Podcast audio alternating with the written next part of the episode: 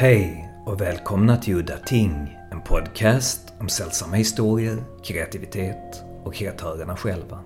Mitt namn är Henrik Möller, musiken är skapad av Testbild och loggan till podden är gjord av Malmökonstnären Nalle Chinsky.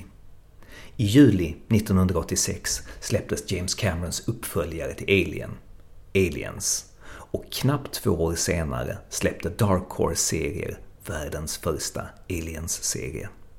Det var en hängiven, ur ett fans perspektiv då, uppföljare till Camerons film. Det var en bra uppföljare och nu i efterhand, när vi vet hur många värdelösa manus till Alien 3 de spenderade pengar på och med tanke på alla de filmer som följde, så känns den bättre än någonsin. Det blev tre serier, så kallade Aliens Book 1, 2 och 3. Det är främst Book 1 som är det riktiga guldkornet enligt mig med stämningsfulla svartvita bilder av Mark Nelson. Och författaren heter Mark Verheiden. Och det är han som är dagens gäst idag. Varsågoda. What was your original reaction to the Aliens films? Uh, what I'm after is your feelings and what attracted you to them. What I remember about Alien, the first movie, was how much I liked the uh, the horror feel of it. Basically, the design of the of the uh, creatures. I thought that was such a new and really cool look. And I also loved the way that uh, Ridley Scott played the whole thing very seriously. You know, a horror movie with a essentially a monster in it, but uh, played very realistically with great characters, the sort of uh, you know workman-like attitude on the ship. Guys who don't know, who aren't aware of what's kind of going to come down on them, um, trying to live up to, trying to just cope with an incredibly difficult situation. And of course, I loved Ripley. She was awesome. So the second movie, uh, on the other hand, I think I loved just because it was one of the greatest action movies ever made. It had horrific elements to it, but um, it kind of upped the game on the uh, on just the sheer action part, and also I think a little bit on the emotional part with the uh, relationship between Ripley and Newt, and even Ripley and uh, Hicks. So uh, I like I liked both of them, but I liked them in different ways, which is sort of something I brought to the comics as well, uh, depending on who is drawing the particular uh, series. Okay, so if I got this right, you tweak the scripts depending on the artist who drew them. I did. I, you know, when we found out when we we got Mark Nelson to draw the first miniseries in black and white, his work is obviously incredibly moody black and white was going to be, you know, lend itself toward horror in the first place. So um, I definitely wrote that with the thought in mind of gravitating more toward horror and scares and creepy and dread and just unsettling images. When we got Denny Beauvais for the second series, the color series, I knew he had a much more, for lack of a better word, just it was because it was color. It was very colorful. He'd done video game covers and things, and so he brought a real sort of cinematic action feel to that. So I definitely wanted to make the second series uh, more action packed. Uh, with you know with same emotional stories in it, but just focusing a bit more on making it move a little differently than the first series did. Uh, and then with the third series, um, Sam Kieth brought his own kind of unique strength to it, uh, and uh, but that story became one that was really about reintroducing Ripley into the into the comic book universe. So um, the, the two things didn't factor in as much. By that time, I just wanted to do something that uh, could bring Ripley in in a neat way. So, when you got a chance to make the continuation of the story, what was the driving force behind it? What was the thing for you that kept you going? I, I was friends with the people at Dark Horse Comics, and I had done a book for Dark Horse already, but I was friends with those guys before they started the company. Um, when I found out they were getting the license to Aliens, uh, I just one of those knee jerk things where I just I, I went, look, you, you got to let me write that. There's no one else on earth that can write that. It has to be me. Um, and I just sort of put my flag down right then.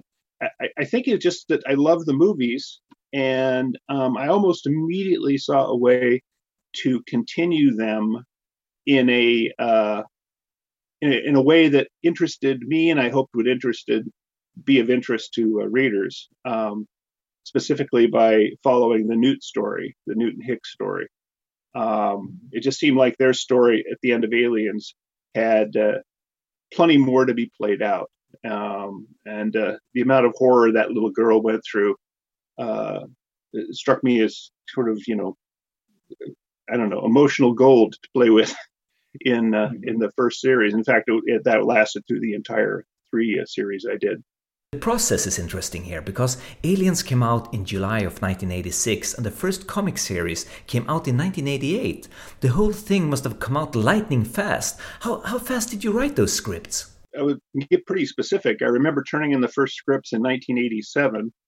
Um, so I probably got the, the job sometime in 1987. I would imagine like spring or summer. Um, and uh, you know, it took a little while, just beginning, not maybe a month, to uh, craft an outline for the first series. By the way, when we started, we only knew we'd be doing the one series. Uh, for you know, this was back when comics based on movies weren't necessarily the most successful thing on earth. And so uh, we planned to do one series. We hoped it would do okay. We had no idea that it would do as well as it did. So but there was never a plan to continue it when we started. So, you know, it was really, I was, I, I just said, great, I'm going to just put everything in this one. You know, everything I can, I can come up with that I've always wanted to do, I'm going to put in this one series.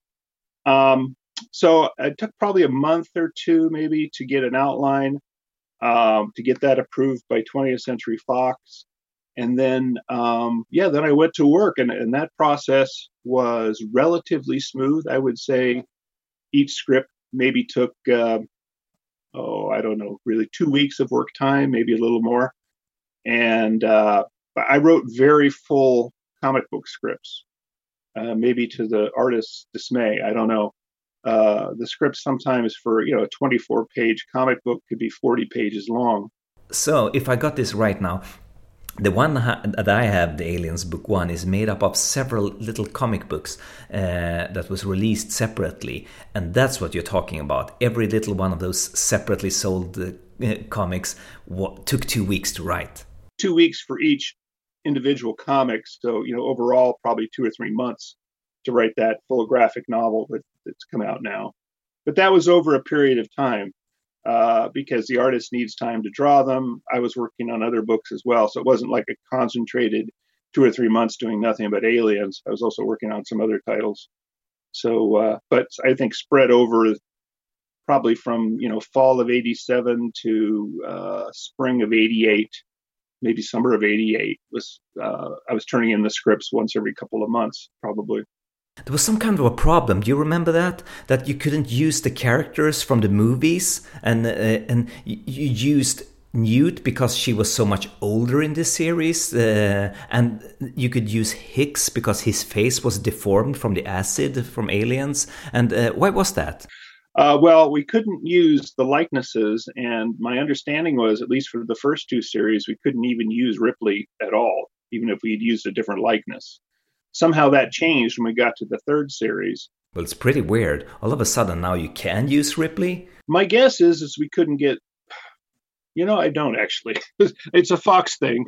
You know, I worked on uh, Predator comics as well, and uh, we couldn't get rights to Arnold Schwarzenegger's character from the first movie. So we had to do a story. You know, the story I did was about his big brother. So we you know, you find in some ways, I think not having Ripley in those first two series was to our creative advantage because I was able to sort of introduce a new female hero into this world, which was Newt, um, anti-hero, I guess, or hero. Uh, and uh, so I, it's it, at first it was like, oh man, we can't have Ripley. That that seems like a tough. Um, that's a difficult, uh, a difficult thing to get around. But uh, after a while, I, I, thought, you know, no, this is really cool actually, because the fact that she's abandoned Newt became a key part of Newt's emotional story through uh, the first two series. And then when she came back, obviously they had a lot of issues in the third series, Ripley and Newt. Okay, but if you had gotten the rights to all of the surviving characters from Aliens, would you have told a different story? I, am pretty sure I would have. Um, because, you know, to include Ripley, especially, it would have gravitated toward her character. So, you know, again, I think not having her, the mother of what is it? the mother of necessity is creativity or something. You know, not having that character enabled us to focus on the other characters, like I said before. and sort of create new mythologies for them. In other words, it wasn't just uh, you know picking up a, a week later and uh, what happened to Ripley, what happened to young Newt. It was let's go ten years into the future and see what's happened to these characters. And um, and I really liked uh, you know playing with Hicks, who was such a you know sort of taciturn but ultimately you know warm character in the Aliens movie, um, but who got horribly scarred and sort of how that uh, impacted him emotionally going forward. I found one of the more interesting uh, aspects to play with. So, who came up with the idea to use Newt and Hicks? You know, it's hard to remember sort of who came up with what when you're ha- with what when you're having a, you know, a sort of editorial session. Um, my my memory of it is is that Dark Horse, the editorial people there, which is Mike Richardson and Randy Stradley back then, um, had really wanted to get the aliens on Earth, which I thought was fantastic. So I, I wanted to do that. And um, I, my memory is I sort of, and, and, this is probably more of a discussion, but I really wanted to do the as a teenage girl story. But those were the those were sort of the main things that I had going into it. And then uh, what I brought to it, I think, was um, the uh, the story of the kind of cultish religious people who fall in for the aliens and the uh, very dark view of the government and the military. Um, those are all things that sort of color a lot of my my work. Um, and um, and so I just basically felt like it'd be a fun world to explore. Obviously, in, in Aliens, the movie, the corporation is a terrible, not a great entity. It's a weapons group. So I wanted to play a little more with the corporation, but I also love the idea of how uh, these alien creatures could be seen as um, almost uh, you know godlike figures on Earth, so, or, or, weapons, you know, uh, and and how people people would deal with that. I um, it's funny. I I always thought of the alien creature themselves essentially as fairly bright dogs. Um, you know, they don't speak.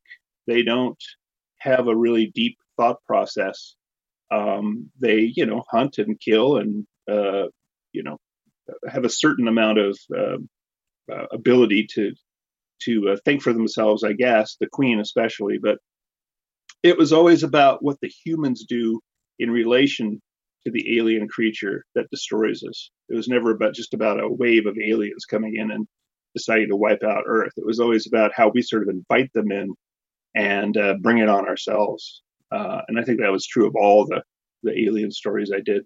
I'm very interested in hearing your vision for this so-called space jockey, that alien race they found in the spaceship in the first film, and the origins of the aliens. You know, since since we weren't going to their home planet, I didn't invest a lot of brain time into thinking about where they came from.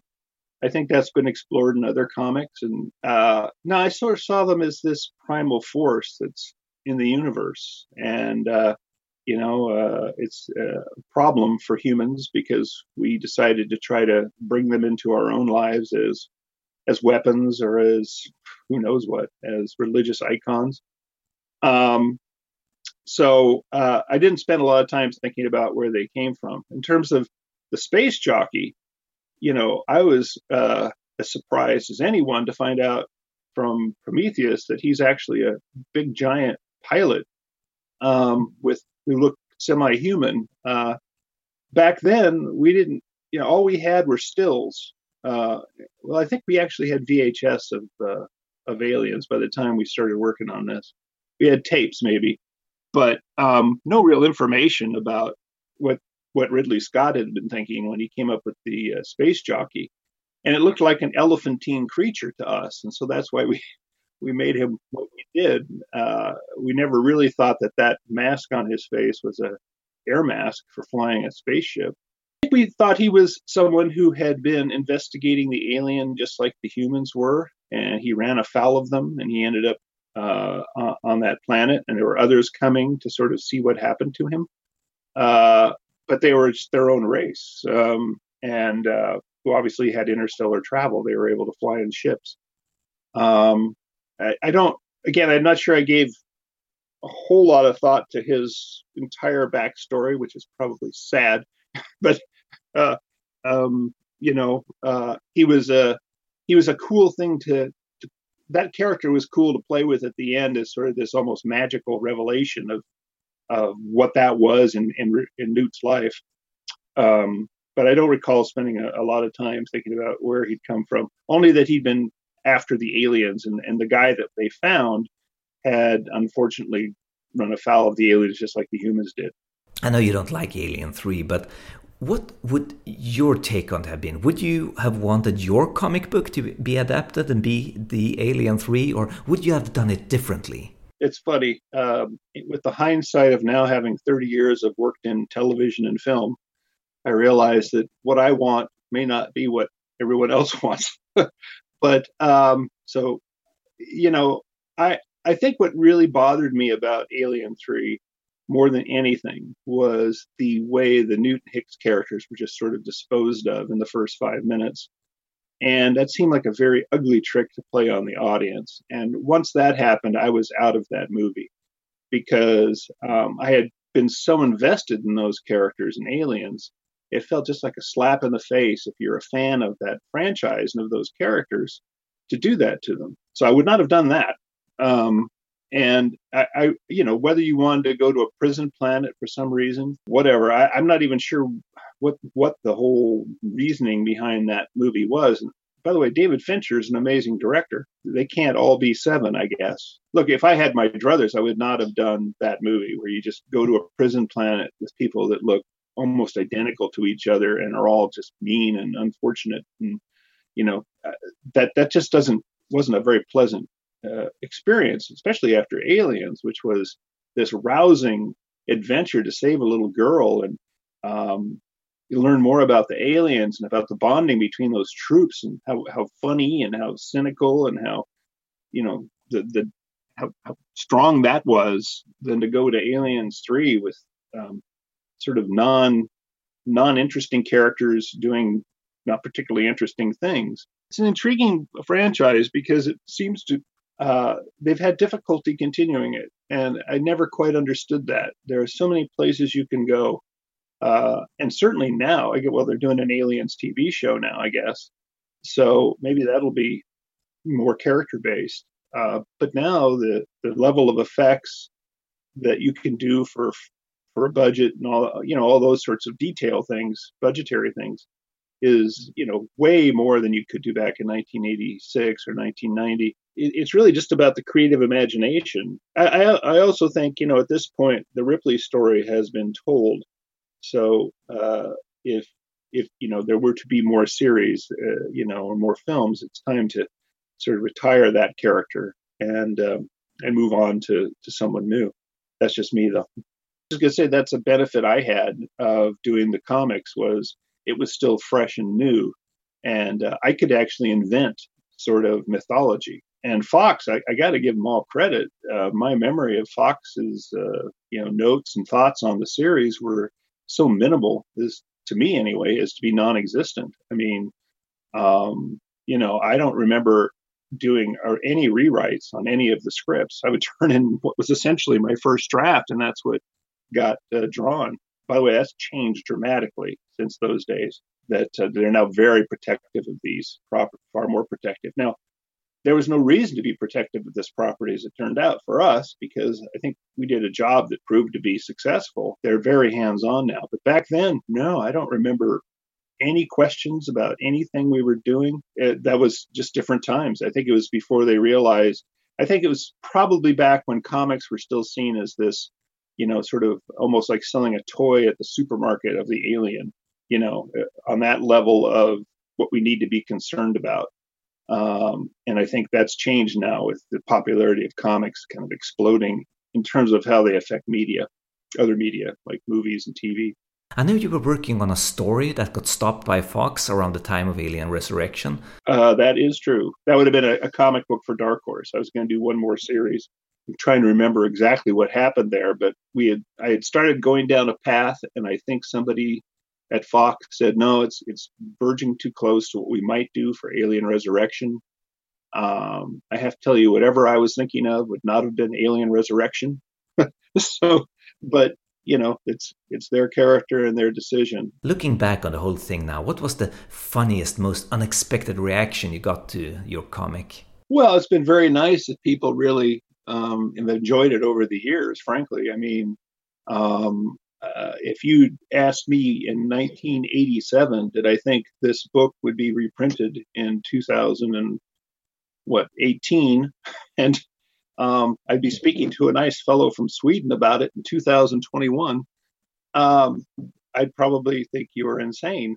But uh, it's it's been so nice that it's had this life um, and remained in print all these years, and so you know, to me that the you know I get complimented on it occasionally, and that, that's always great to hear. Uh, um, I, there's no specific compliment that, that comes to mind. It's just um, it seems to have struck a chord with people. I, I, suspect it hit people, a lot of people who are now in their 40s and 50s now at, at a really good age to read that sort of thing. Um, and uh, so it, you know it hit that sweet spot of when you know it's new and uh, something new has come out and you just kind of love it. And I, I'm always kind of happy that I did my three and left because I'm not sure even that fourth series I was thinking about would have lived up to the first three. Sometimes you got to know when to get off stage on, on a on a project, and uh, but no, I'm just I'm thrilled it's still in print. I, I guess uh, um, I'll be honest, I'm a little less thrilled that Marvel's putting it in print now this year, reprinting it yet again. But I think they don't pay uh, royalties for some reason, so um, that one just goes out and makes them some money. Um, the Dark Horse books have paid royalties over the years, which has always, you know, been nice. It doesn't take away from the fact that I appreciate so many people love it and have loved it over a long period of time. And I mean, did people ask you questions about the story and your ideas, or was it the old tragic thing that uh, the artist got all the credit, the classic tragedy that the writer is not very important? No, I was always lucky. I mean, I think with all the books I did, comics anyway, a lot of them, uh, people appreciated the the writing as as much as the art, and the art was fantastic. But no, people have asked me a lot of questions about the stories and where they came from, and of course, some have been lost to the mists of time. You know, 37 years ago. You know, that was sort of where my head was at then. Specific, I can talk about specific things that I know uh, impacted the story. Uh, like um, I grew up in uh, Oregon in a small town outside of Portland, Oregon. As I was going, growing up and going to college in Portland, there was a uh, uh, a cult basically had risen up in a small town in uh, in the middle of Oregon, uh, in the middle of, and taken over this entire town, and uh, it, it fascinated me, you know, that the cults eventually broke up, but uh, you know, so that was on my mind. I think on that time were the hearings in in Congress about Oliver North and Ronald Reagan's uh, issues. You know, those those were things that were sort of weighing on me at the time that uh, entered into those stories and other stories too, but aliens specifically. And I just always loved science fiction, so that that part weighed into it too. I know you worked with Michael Green, who later on wrote the, one of the first drafts of Alien Covenant. Did ever, did they ever mention to you that he was working on Alien Covenant with Ridley? Well, that was on Smallville, so that would have been long before he got involved in that. That would be like 2001. So, uh, no, Michael's a great guy, and I still am in touch with him occasionally. Um, and I couldn't be more happy with his uh, with his success and the fact he's been able to work on aliens projects. Uh, he's a great guy. But um, no, back then I think he was uh, an up and coming writer, kind of like me, trying to figure out how to get ahead in this crazy business. We actually co-wrote a couple of, uh, at least one Smallville together. Have you ever read a novelization of the comic? Uh, no, I, I, I always I found that very intriguing that that someone was novelizing my comic books. That that that was a new one. I've read the first one, and you know what? It's really good. I can't can't remember the writer's name right now, but he's very talented, and he expanded the characters really good. I, you know, I don't know that I've ever heard of that happening uh, like that uh, of a comic book series being novelized. But yeah, I haven't read them. I uh, again, I sort of once. It's funny once I finish a project, um, I sort of move on, and uh, it uh, so you know with aliens you know i have seen i think almost all the movies i'm pretty sure i've seen them all but i don't research them i don't get into them like i used to because there's no reason to and probably still kind of stuck in the world of the first two movies in some ways, in terms of continuity and what, what the stories mean to me. And uh, what's come since is interesting, but uh, um, I just haven't been paying that much attention. Been moving on to other things. Så. Det var allt för den här gången och jag vill tacka Aliens-experten Paul Andersson som var den som introducerade mig till Vår Hayden-serie för snart 29 år sedan. Och jag vill tacka honom för bidrag till frågor till Vår Hayden i det här avsnittet. Ja, okej, okay, det var allt för den här gången. Mitt namn var Henrik Möller, musiken var skapad av Testbild. Hej då!